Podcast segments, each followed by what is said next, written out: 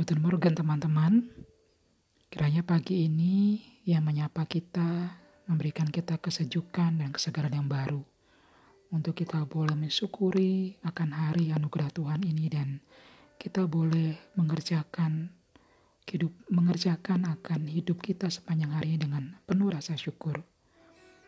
Teman-teman dikasih Tuhan, pagi ini saya akan membagikan sebuah renungan yang saya renungkan dari satu bagian kitab di Perjanjian Lama, yaitu di kitab Yoel pasal 2 ayat 12 sampai 17. Teman-teman bisa membacanya nanti ya. Nah, teman-teman, ketika saya merenungkan tentang kitab Yoel ini, saya kemudian bertanya nih kepada salah satu adik rohani saya. Saya bertanya kepada salah satu adik bernama Agnes. Terus saya katakan begini, Nes, menurut kamu apa sih fungsi sebuah alat yang bernama alarm? Nah, teman-teman, ini jawabannya.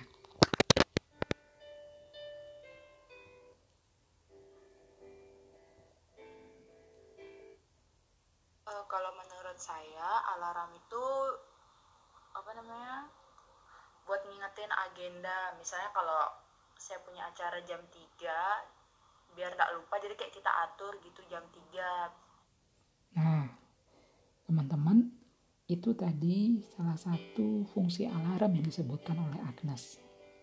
Tentu kita juga pasti banyak memberikan memberikan gambaran ya atau punya gambaran sendiri tentang apa sih fungsi alarm.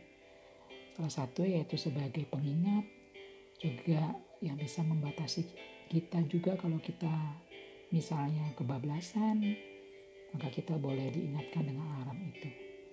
Nah teman-teman dikasih Tuhan bicara tentang kitab Yoel juga sebuah peringatan gitu ya. Kalau dibilang tadi alarm yang memberikan peringatan atau mengingatkan Yoel juga mengingatkan kepada umat pilihan Allah Israel ada dua pesan yang penting diingatkan oleh Nabi Yoel, yaitu yang pertama berkaitan dengan bencana besar yang akan mereka alami, yaitu akan beribu-ribu belalang akan datang dan menghabisi semua ladang yang sedang mereka punyai. Yang kedua, bicara juga tentang hari Tuhan. Nah, Yoel sendiri arti nama Yoel itu adalah Yahweh atau Allah. Yoel memang adalah pribadi yang tumbuh berkembang di tengah-tengah keluarga yang sangat religius, sangat menghargai, menghormati peribadahan pada waktu itu. Sehingga tidak heran kalau Yoel tumbuh dan berkembang juga menjadi seorang pribadi yang saleh, yang sungguh-sungguh tunduk kepada Allah. Nah, teman-teman, bagian yang kita akan belajar dan renungkan pagi ini adalah pesan yang Yoel berikan, Nabi Yoel berikan kepada umat pilihan Allah, yaitu pertobatan. Nah, pertobatan ini bukanlah hal yang mudah bagi setiap kita. Pertobatan membutuhkan sebuah penyangkalan diri, menanggalkan segala keegoisan, dan sebagainya. Nah, teman-teman, Yoel sendiri memberikan peringatan kepada umat Israel untuk bertobat, karena kalau tidak, Allah akan mendatangkan murkanya dengan mendatangkan begitu banyak belalang yang menghabisi ladang mereka dengan sekejap.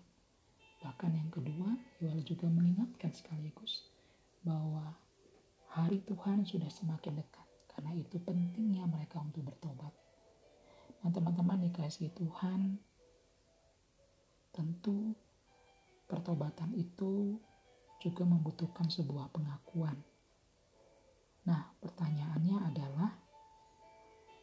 sih atau istilahnya mengapa banyak orang tuh sulit mengaku salah ketika ia ber, eh, mengaku ketika ia berbuat salah. Nah, saya akan bertanya kembali kepada satu teman atau satu adik saya bernama Alvin yang mana dia akan memberikan jawaban mengapa ya orang itu sulit sekali mengaku salah kepada orang lain. Dengerin ya teman-teman jawabannya. Kan terkadang memiliki gengsi yang sangat tinggi. Nah, itu bagian di mana terkadang kita memiliki gengsi yang sangat tinggi untuk mengaku salah. Apakah itu aja? Nah, kita lihat juga pendapat dia yang berikutnya. Mungkin juga karena merasa diri tidak salah, merasa diri selalu benar. Hmm. Apa yang dilakukannya itu benar sehingga itu. dia tidak mengaku kalau dia itu berbuat salah. Oke, karena merasa diri benar. Nah, teman-teman dikasih Tuhan, ada di mana kita saat ini? Apakah karena keegoisan atau karena kita merasa diri kita benar? Temukan jawaban itu dalam diri teman diri kita masing-masing.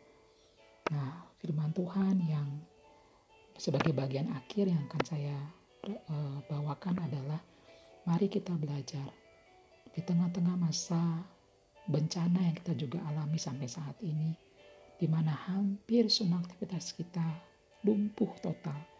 Bahkan semua harus dilakukan di rumah.